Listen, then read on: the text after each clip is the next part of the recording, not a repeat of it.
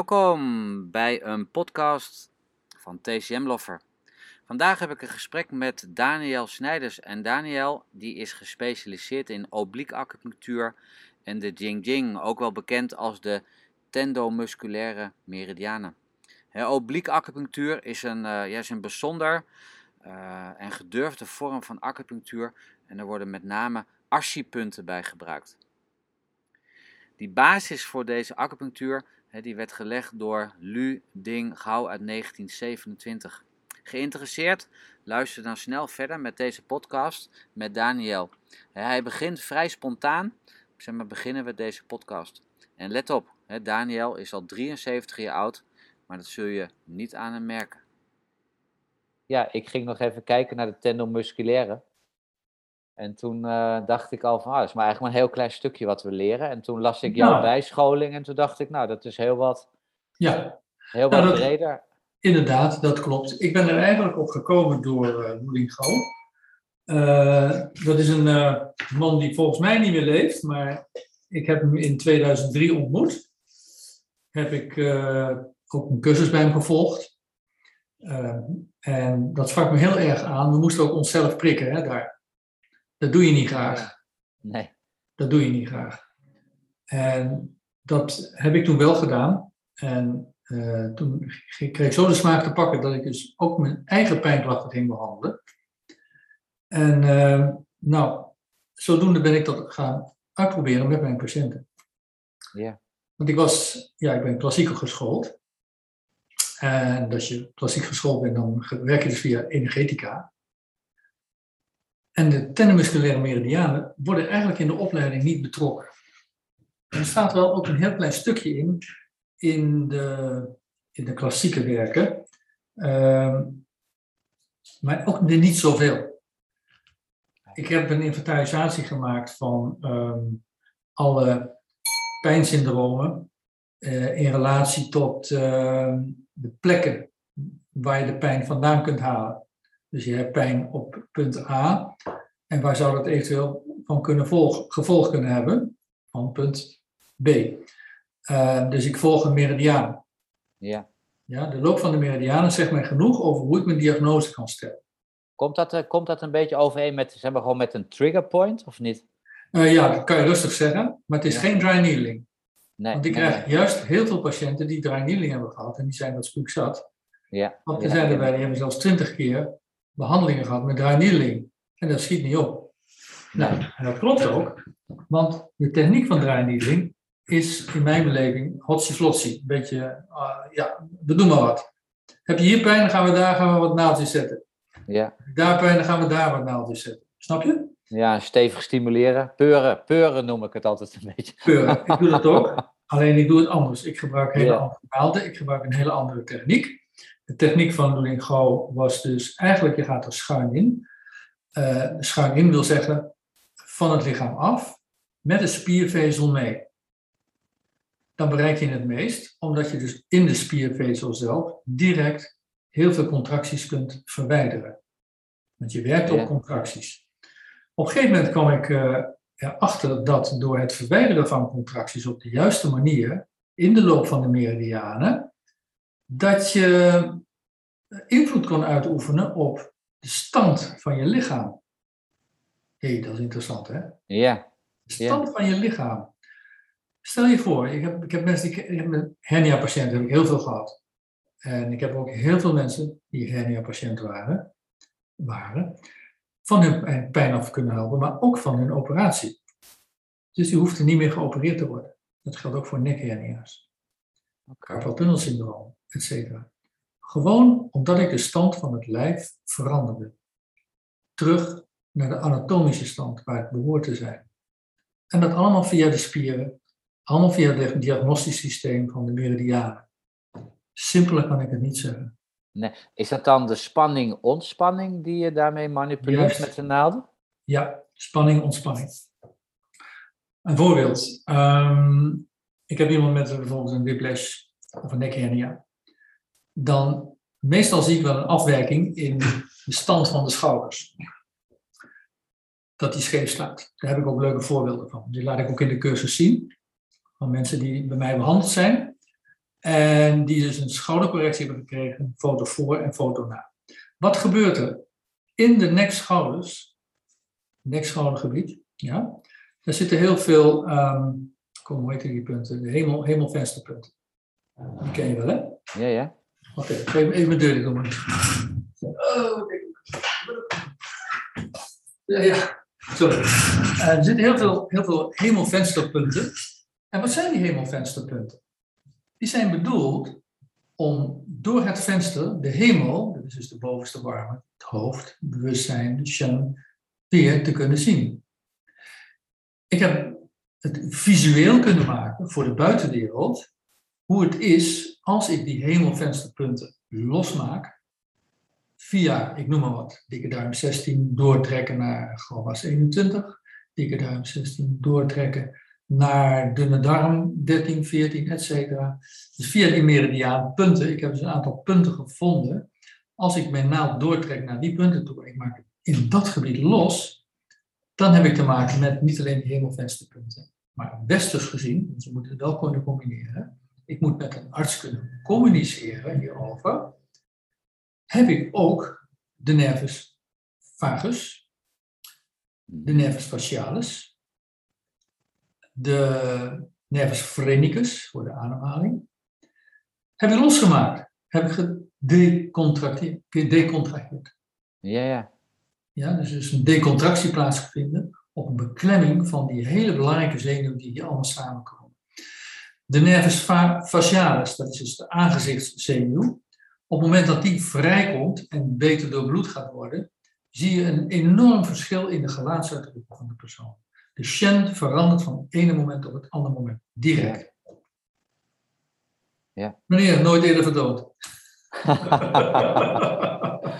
ja. ja, we gaan zo heel spontaan. Uh, zijn, we, zijn we begonnen met deze podcast?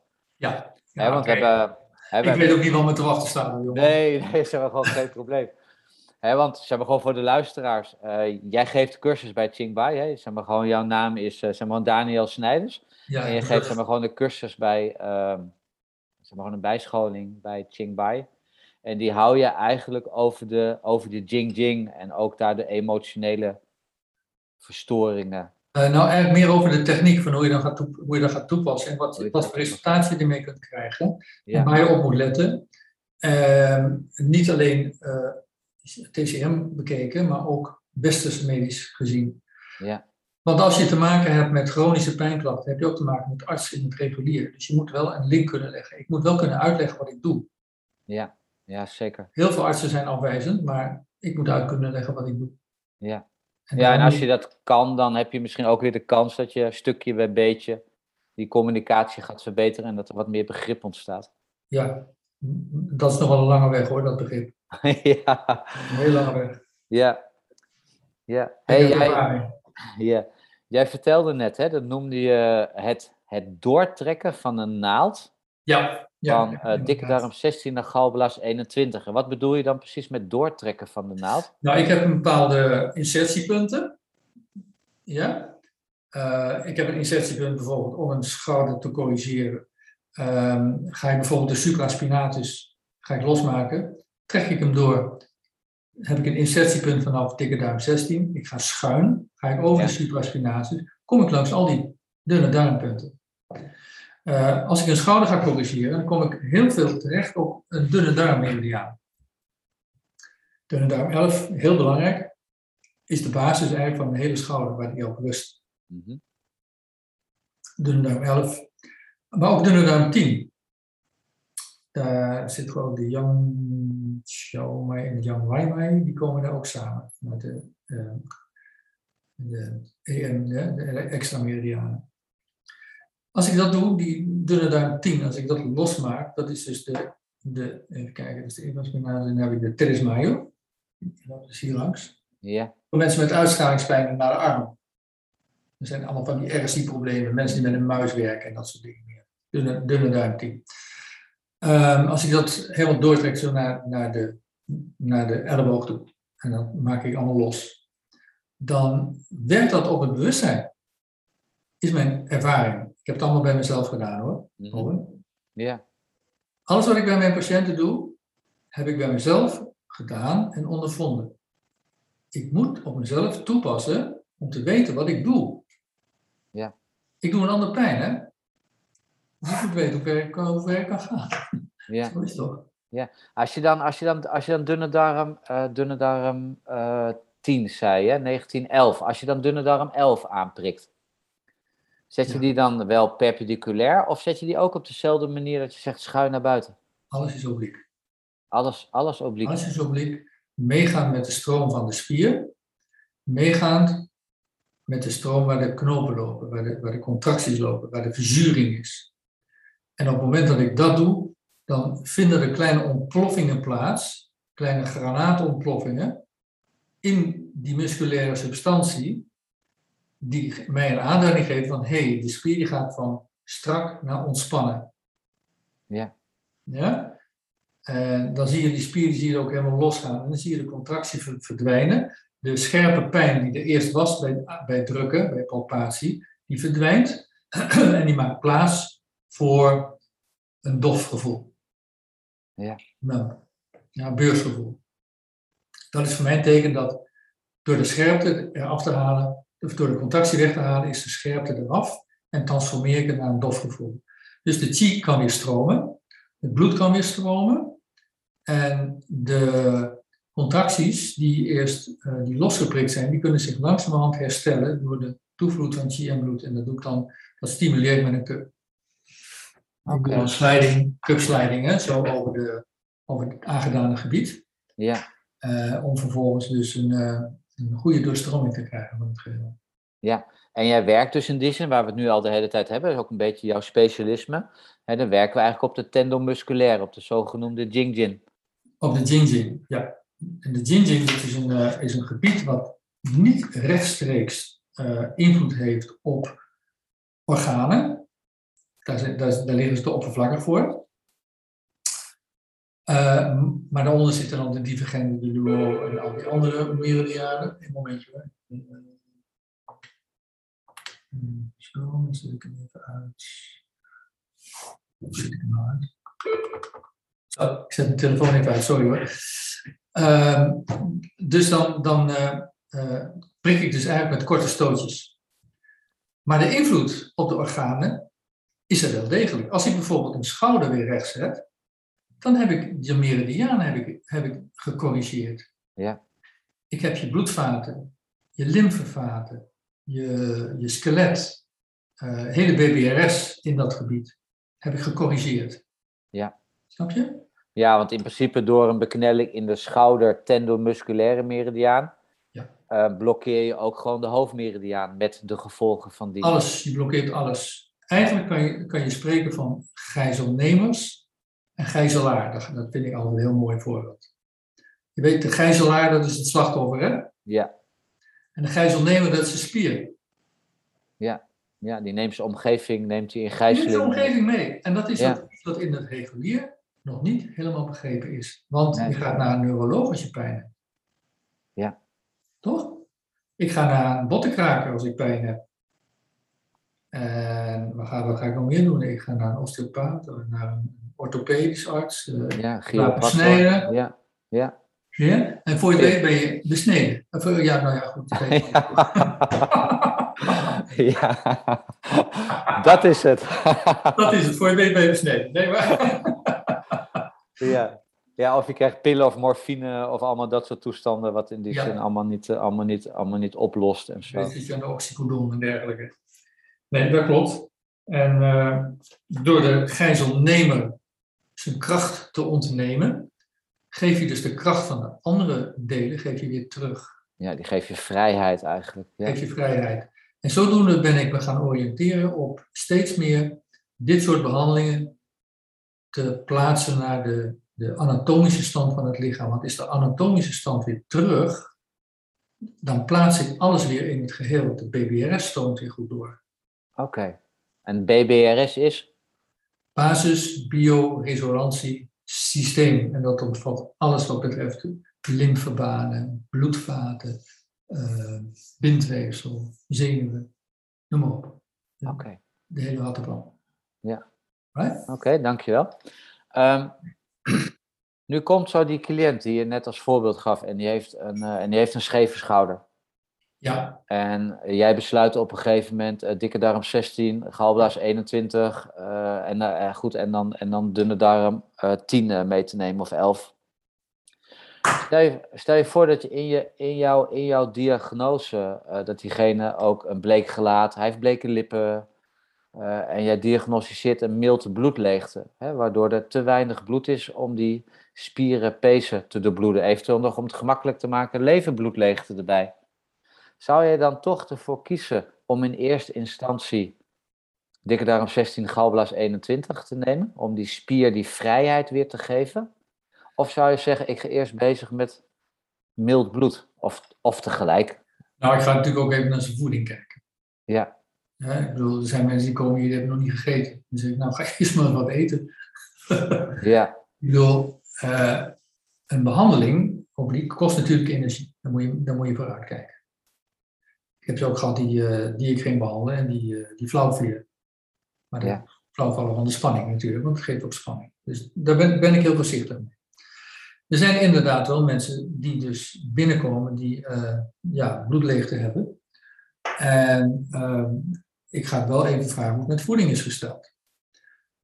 Nou, als dat verder oké is, dan eh, kom ik, kan, kan ik verder vragen.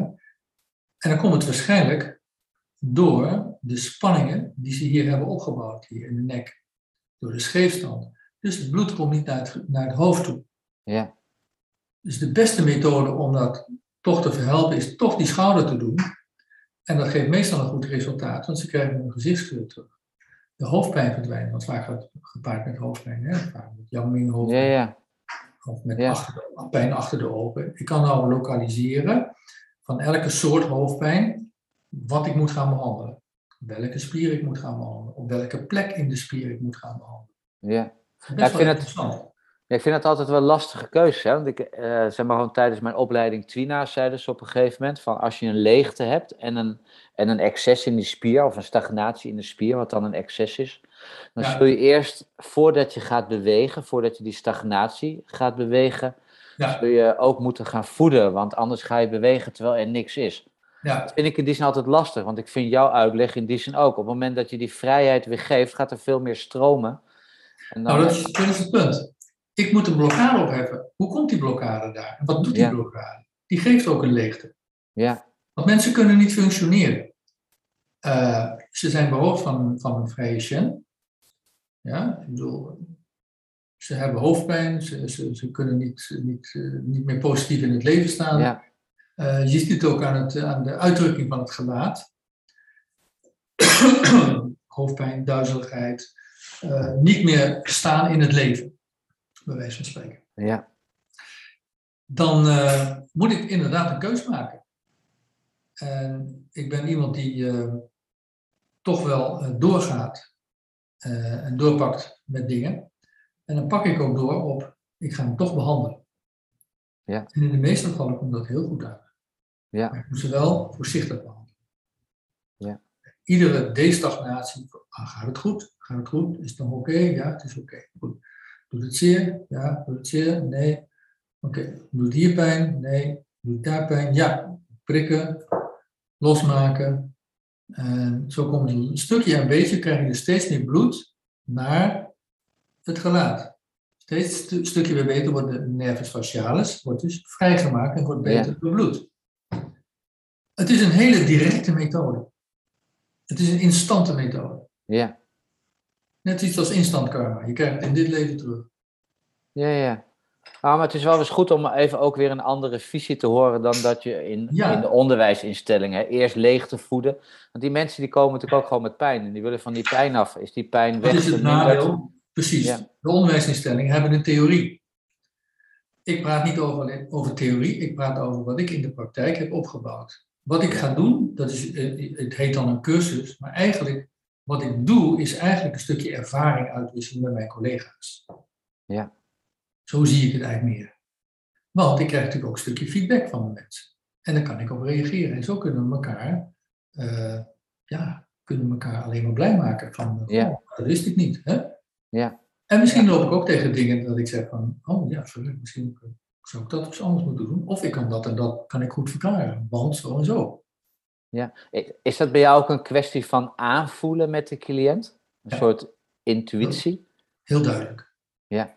Heel duidelijk. Eh, je moet aanvoelen tot hoever je kan. Dat, dat, maar dat ontwikkel je. Naarmate je het steeds meer doet, ontwikkel je toch wel een bepaalde manier van werken, waarin je je afstemt op de cliënt. En Ja. een van de dingen die ik heel belangrijk vind, is een gevoel voor humor. Als jij met een chagrijnig gezicht mensen gaat behelpen, die, die zullen ook als ze chagrijnig zijn onder pijn. Ja, jongens, dat gaat niet werken, hè? Ja. Nee hoor, ik bedoel, eh, het, moet, het gaat allemaal heel luchtig en heel licht. Ja. ja, ik vind het in die zin altijd wel jammer bij de opleidingen. Ik heb eigenlijk bijna wel bij vrijwel alle onderwijsinstellingen heb ik een deel gedaan dat het woord intuïtie wordt helaas niet vaak in de mond genomen. Terwijl ik het wel, ja, wel super belangrijk item vind om in ieder geval te Ja. weten wat het is. Hè? Het hoort erbij, het is net als twee benen. Je hebt je verstand, maar je hebt je gevoel ook. En Ja. zonder, zonder die twee kom je niet vooruit. Dat zijn, de twee, dat zijn de twee stappen van vooruitgang, links en rechts. Gevoel en verstand. Ja, Zo moet je, zo moet jij maar zien. ja, ja.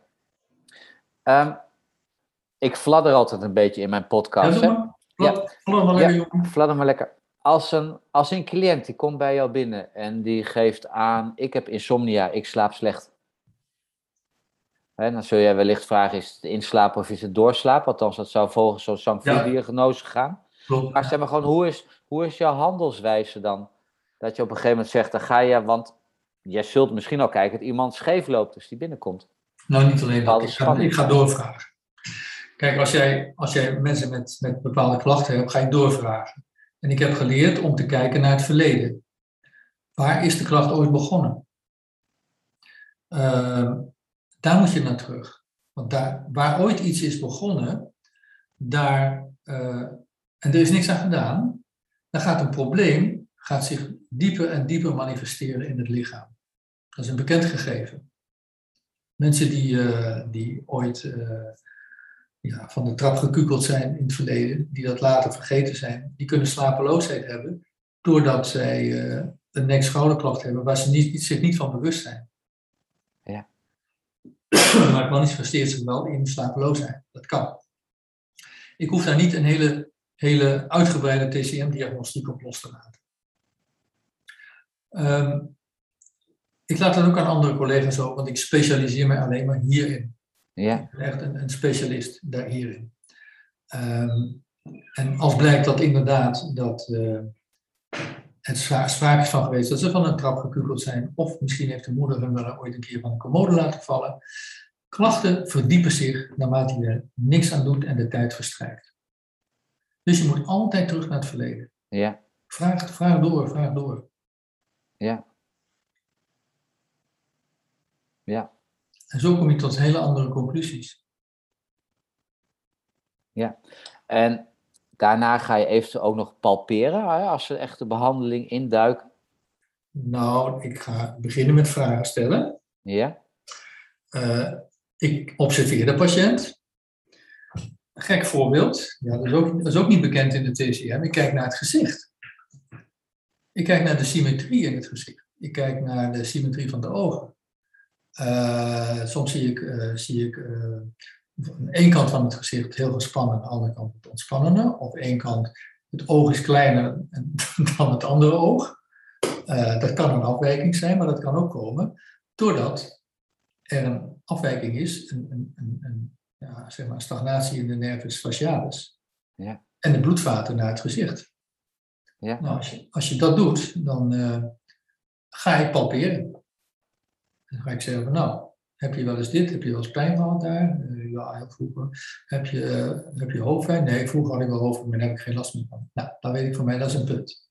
Ja. Vroeger had ik hoofdpijn, maar daar heb ik geen last meer van. Oké. Dan ga ik eens kijken waar die hoofdpijn vroeger gezeten heeft. En dan ga ik palperen. En dan kom ik erachter. En dan moet ik die hoofdpijn weghalen van vroeger. Die is wel weg, vol- volgens hem. Maar de drukpunten zitten er nog. ja, Snap je? ja. Ja, en dat uitzicht waarschijnlijk heeft hij een ander jasje aangetrokken. De hoofdpijn. Dat is wat ik wil zeggen. Het heeft allemaal een ander jasje aangetrokken. Ja. Ja. Ja. Ah, dit is, dit, is, dit is inderdaad wel heel boeiend. Het is grappig, iedereen. het is, het, het is ook wel mooi dat je je ervaring wil delen, omdat, omdat, omdat we dan eigenlijk, ehm, ja, we mogen dan via jou en ook via de bijscholing die je geeft, die trouwens al meteen vol zat. Ja, gek, gek hè? Daar snap ik helemaal niks van. Ik, heb, ik, heb, ik geef nooit les, man. nee, en die zijn binnen, ze hebben gewoon nooit time vol. Maar dat is mooi om, de, om ja, goed, dat, je, dat je ervaring in die zin deelt. En wat ik met name heel aantrekkelijk vind, is dat het ook ehm, ja, een beetje buiten de leerboekjes gaat, als ik het maar zo mag noemen, maar wel heel logisch klinkt, als ik het zo mag zeggen. Ja, dat heeft denk ik met mezelf te maken. Uh, ik ben iemand die heel gauw buiten de boekjes gaat en verder gaat zoeken. Want ik, ik heb natuurlijk veel met regulieren te maken. Mensen die via het reguliere traject bij mij komen. Ik, eh, ik adverteer niet, hè, dat doe ik al, ook al tientallen jaren niet meer. En mensen komen allemaal via, via hier. Ik krijg ze uit het hele land. En die hebben allemaal een traject in het regulier gehad. Ten einde raad. Ja. Geweldig. Dat ik dat mag doen. Dat is toch geweldig? Ja. Als je die mensen kan helpen. Ja. Ja, zeker. En waar het mij om gaat, is dat ik een uitwisseling krijg met mijn collega's. Uh, ja, ik word nou dit jaar 75. En uh, ja, het wordt wel eens tijd dat ik eens wat aan ga doen. Dat ik ook eens wat uh, ga uitwisselen met ja. voldoende onderzoek. Ik heb bijna 20 jaar heb ik dat allemaal onderzocht en gedaan. En die techniek heb ik ontwikkeld. het heeft me ook jaren gekost hoor. En ook heel veel, heel veel hematomen, uh, voordat ik deze techniek goed onder de vingers had. Ja. Dus let wel, het is niet zomaar even een gemakkelijk iets. Ik ben uh, ook met een naald van 13 centimeter gaan hanteren. Uh, weet hoe lang 13 centimeter is? Ja, want dat vroeg me in Disney eigenlijk af. Toen je zei van ik trek de naald door van dikke darm 16 en galblaas ja. 21. In de nek zit ik met 7,5 centimeter te werken. En in de onderrug kom ik vaak op 13 eh, centimeter, omdat ik de naald doortrek uh, vanuit blaas. Bijvoorbeeld, ik noem wat blaas 32 naar galwaas 30. Om, ik noem wat een klapvoet te verhelpen. Ja. Heel raar. Klapvoeten kun je goed verhelpen, tenzij er echt schade is. Hè? Ja.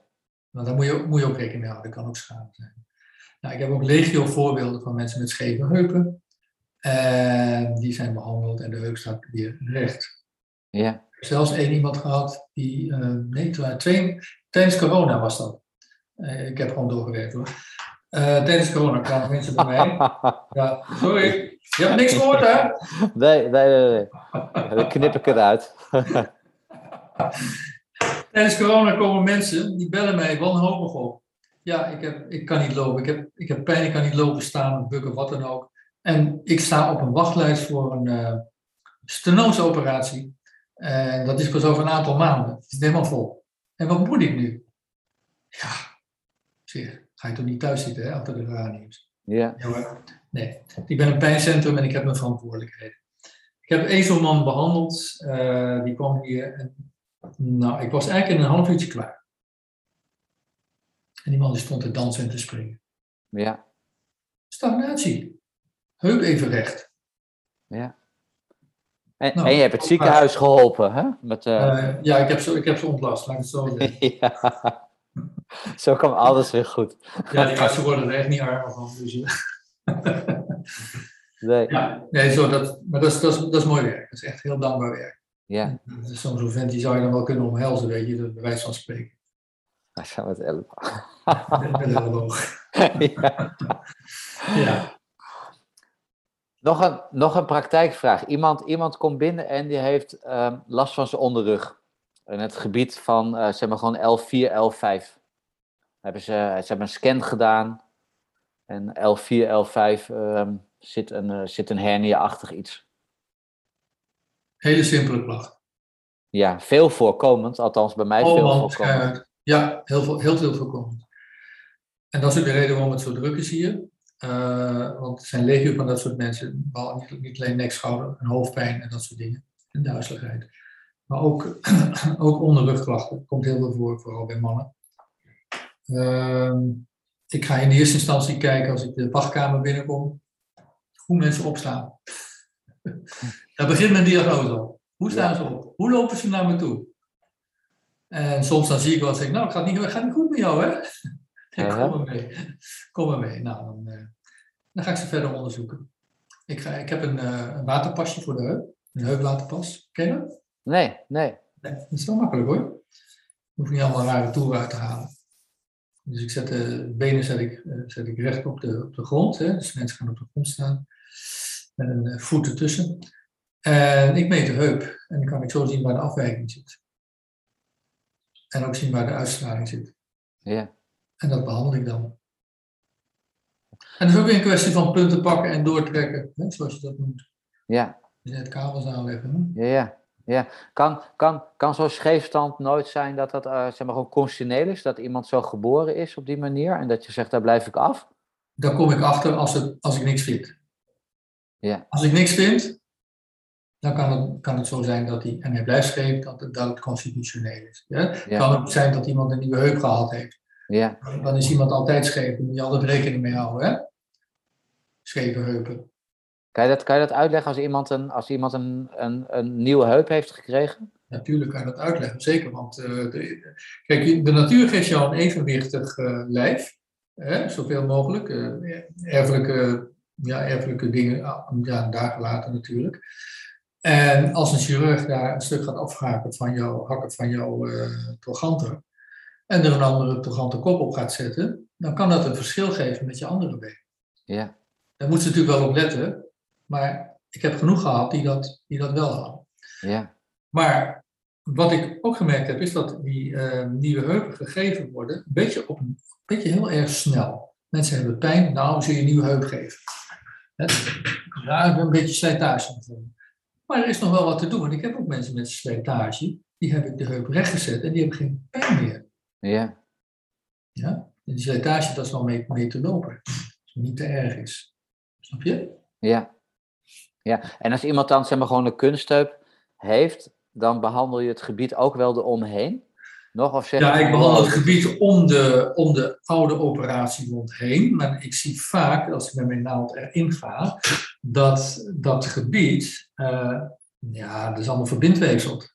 Allemaal Ja. verkleefd. Dat is heel moeilijk. En, ehm, maar ik vind, meestal vind ik wel, de problemen die ik voor de operatie had moeten eh, verhelpen, die vind ik daar terug. Dus als die persoon eerder bij mij was geweest voor die heupoperatie, dan had ik misschien wel wat kunnen doen door die heup recht te zetten en de, de pijn te ontlasten. Ja. En dan was hij misschien niet nodig geweest. Ik weet nog wel dat, dat zo'n spreekwoord of gezegd, ik weet nooit welke van de twee het is. Dat ze heb ik eens een keer op zo'n eh, op zo'n tegeltje gelezen van alle, open, alle operaties zijn nodig, behalve de eerste. Als je een hernia hebt, alle hernia-operaties zijn nodig, behalve de eerste. Dat doet me denken, daar je hebt helemaal gelijk in, dat doet me denken aan een patiënt die ik heb gehad vier jaar terug.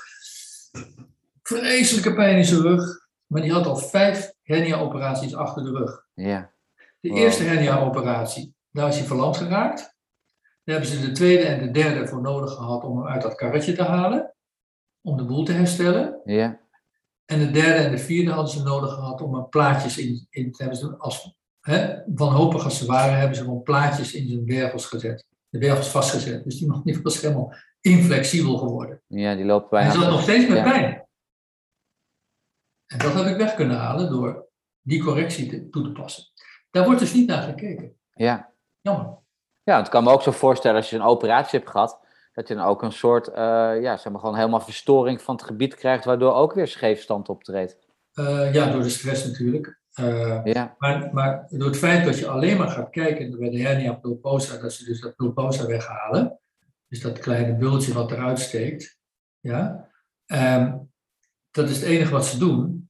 Ja. Nou, ja, die zenuw is nou vrijgekomen. Maar als jij een heupscheefstand hebt, dan moeten die wervels, die, die kleine blokjes die op elkaar staan, die moeten meegroeien met je evenwichtsorgaan. ja, Snap je? Dus die moeten, die moeten recht gaan staan, die heup staat scheef. Wat krijg je dan? Die tussenwervelschijven, door de veranderde stand, omdat die wervels recht willen staan, door de veranderde stand van die werveltjes, gaat die tussenwervelschijven, die worden uitgeperst. Ja, Ik heb daar een voorbeeld van op mijn site, eh, van een patiënt die ik behandeld heb met een hernia. Voor de behandeling zag je de hernia van ruim een centimeter. En bij de twee volgende behandelingen, of vier volgende behandelingen, zag je steeds meer die hernia pulposa verdwijnen. Verdwijnen. Ja. Dat was ook notabene iemand die zelf in het ziekenhuis werkte. Die wilde je niet laten opereren. Dus ja, dat is ook leuk, hè? Ja. Die was in de gelegenheid om al die röntgenfoto's te maken. Nou, vind ik Ja, prima. ja. Zeg, Geef maar zo'n foto. Dat eh, kan ik mooi gebruiken. Ja. Als om aan te geven en aan te tonen aan mensen van het kan. Ja. Het kan. Ja. Ja. Het is mogelijk. Ja. Maar je ziet wat een discrepantie is tussen het alternatief en het regulier. Het regulier werkt volgens protocollen. Voor een protocol. Hè. We mogen niet verder dan dit gaan. Ik noem dat een tunnelvisie. Wij zijn wat minder gebonden aan protocollen in die zin dat wij kunnen ook vrije de boel laten stromen en vrije dingen laten onderzoeken.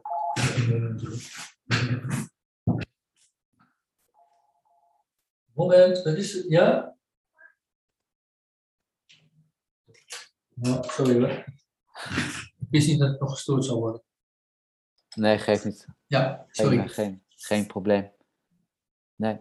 Hey, eh, je noemde net al je, je site. Die zou ik in de show notes bij de, bij de, bij de podcast zetten. Hè? Dan kunnen ze eventueel ook dat voorbeeld zien. Want dat heb je op je site staan. Ja, Met foto's. Leuk. Ja. Hey, ik, ik was nog even benieuwd. Hè? Want eh, in de Chinese geneeskunde behandel je lokaal en behandel je distaal. ja, klopt. Hanteer jij dat principe ook? In de meeste gevallen wel. Ehm, nou, zeker, ik doe ook parallel acupunctuur, daar doe, je- daar doe je ook die staal, hè? Ik, ja, want ik zag die term staan, maar ik weet eigenlijk niet precies wat het is. Ja, dat is dus de techniek van Hugo Nielsen, die, eh, die hanteer ik. En dan behandel je ook die staal. Je pakt de grootste meridianen en ehm, doe je via voetpalpatie, ga je dus deblokkeren van, eh, van orgaangebieden en, en ook weer andere stagnatiegebieden.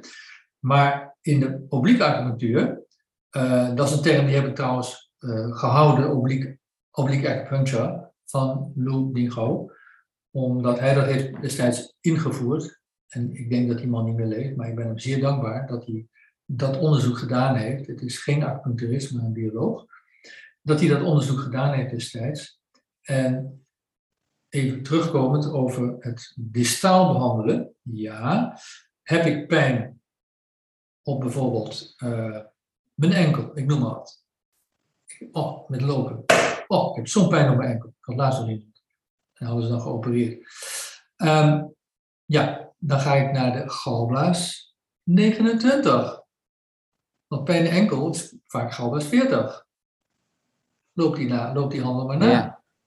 Dus ik ga kijken, moet ik daar een correctie plaatsvinden tussen de trochanter en ilium? Wauw.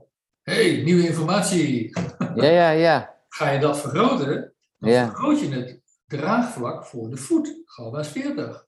Ja, Hele andere manier van hele andere manier. Ja, je zit eigenlijk veel met naar de oorzaak te zoeken eigenlijk. Ja, Ja, totaal andere oorzaak. ja, Totaal andere manier van behandelen. Dus zie je, zo werkt dat. Ik had, wanneer was dat? Eergisteren had ik een patiënt die was, eh, de hele voet die hadden ze geopereerd. Ehm, en die, eh, ja, die stond, die, nou het is echt walgelijk om te zien. Ze hadden hem zodanig kapot geopereerd dat ze hadden wat botjes aan elkaar geplakt en die voet die stond, helemaal, stond helemaal op zijn zijkant liep die.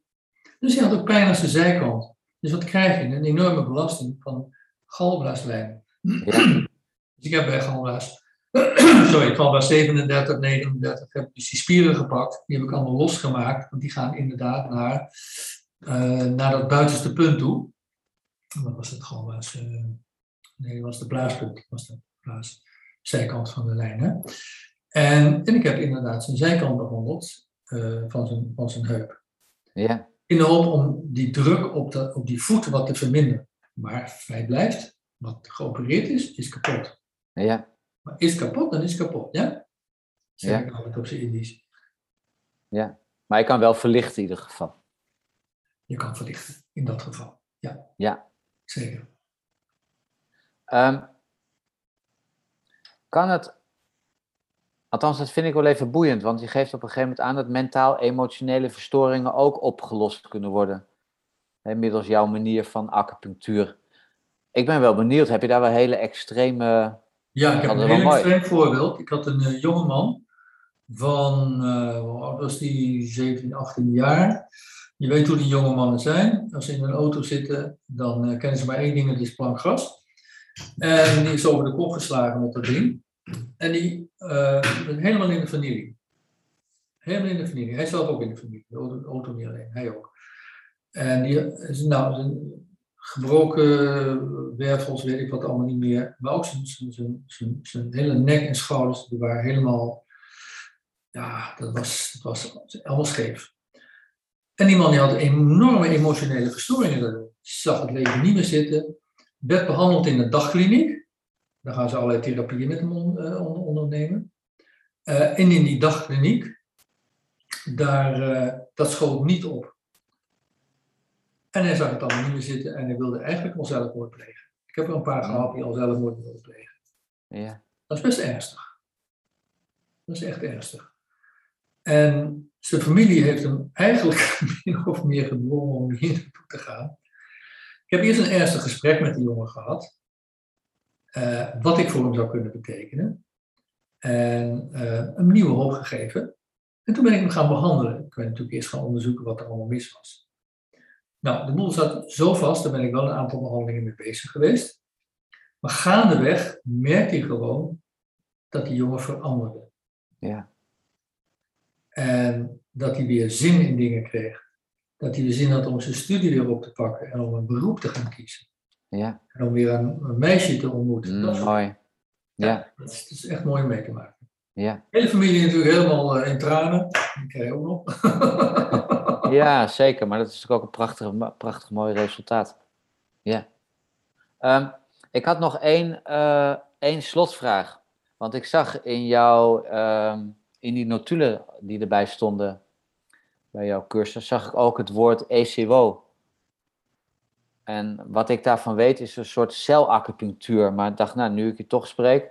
Ja, ja wat is ECWO? Embryo containing information of the whole organism.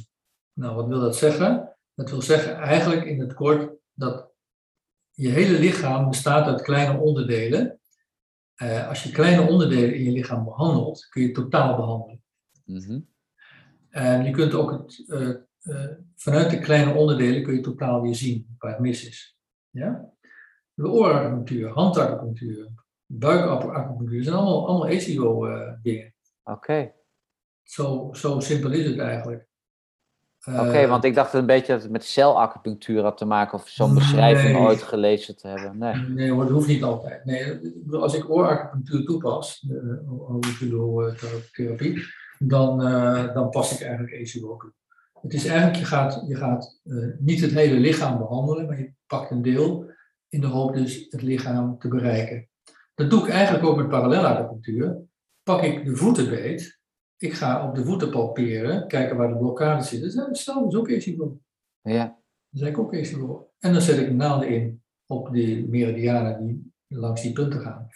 En dan ga ik de bloed deblokkeren. Ja, ja om, een, om, een, om een effect ergens elders te bewerkstelligen. Ja. Kan ja. ik moeilijk zeggen van oblique acupunctuur dat daar ECBO in zit. Er zullen wel gedeeltelijk dingen zijn.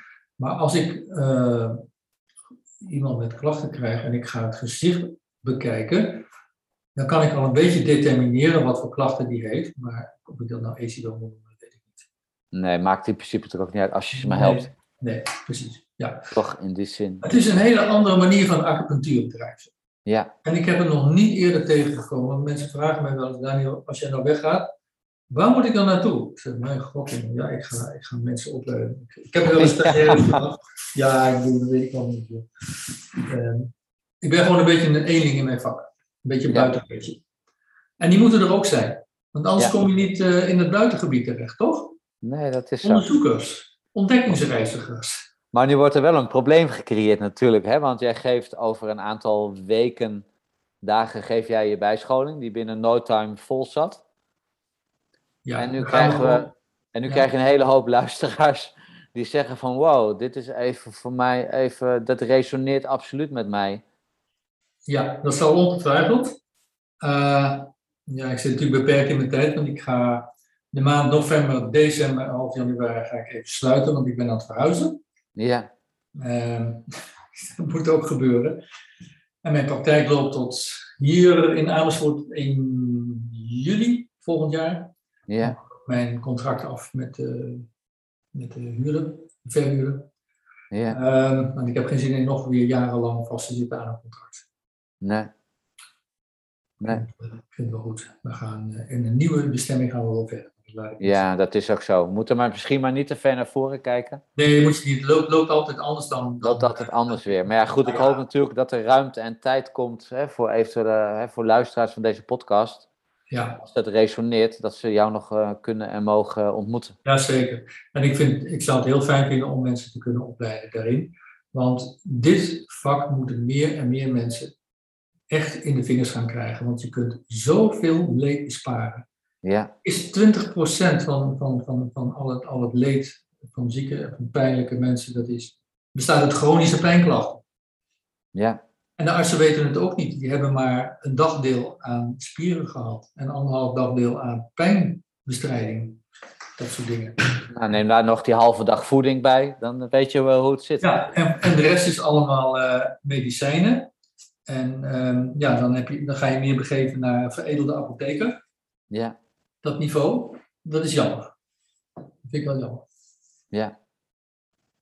Maar goed, eh, ik hoop in de toekomst toch wel eh, hiermee verder te kunnen gaan. Maar ik ga eerst even verhuizen in een paar maanden. Dus dan zit ik dan Ja, op ja. dit moment zeker al in. Dus, Nee, stap, bij stap bij stap.